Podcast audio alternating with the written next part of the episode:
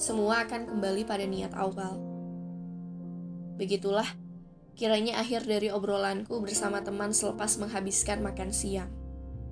Obrolan singkat yang melekat, pembahasan yang tak disangka malah buatku susah melupa.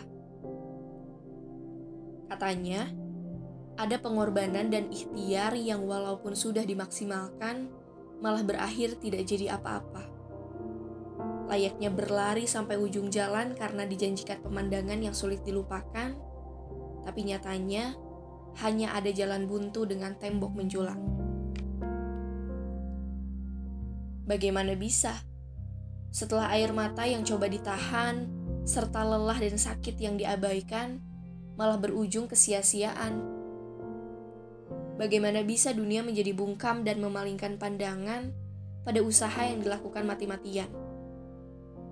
Ternyata, semua akan terasa tidak adil bukan karena usaha yang kurang maksimal, tapi karena niat yang keliru dan luput untuk diluruskan.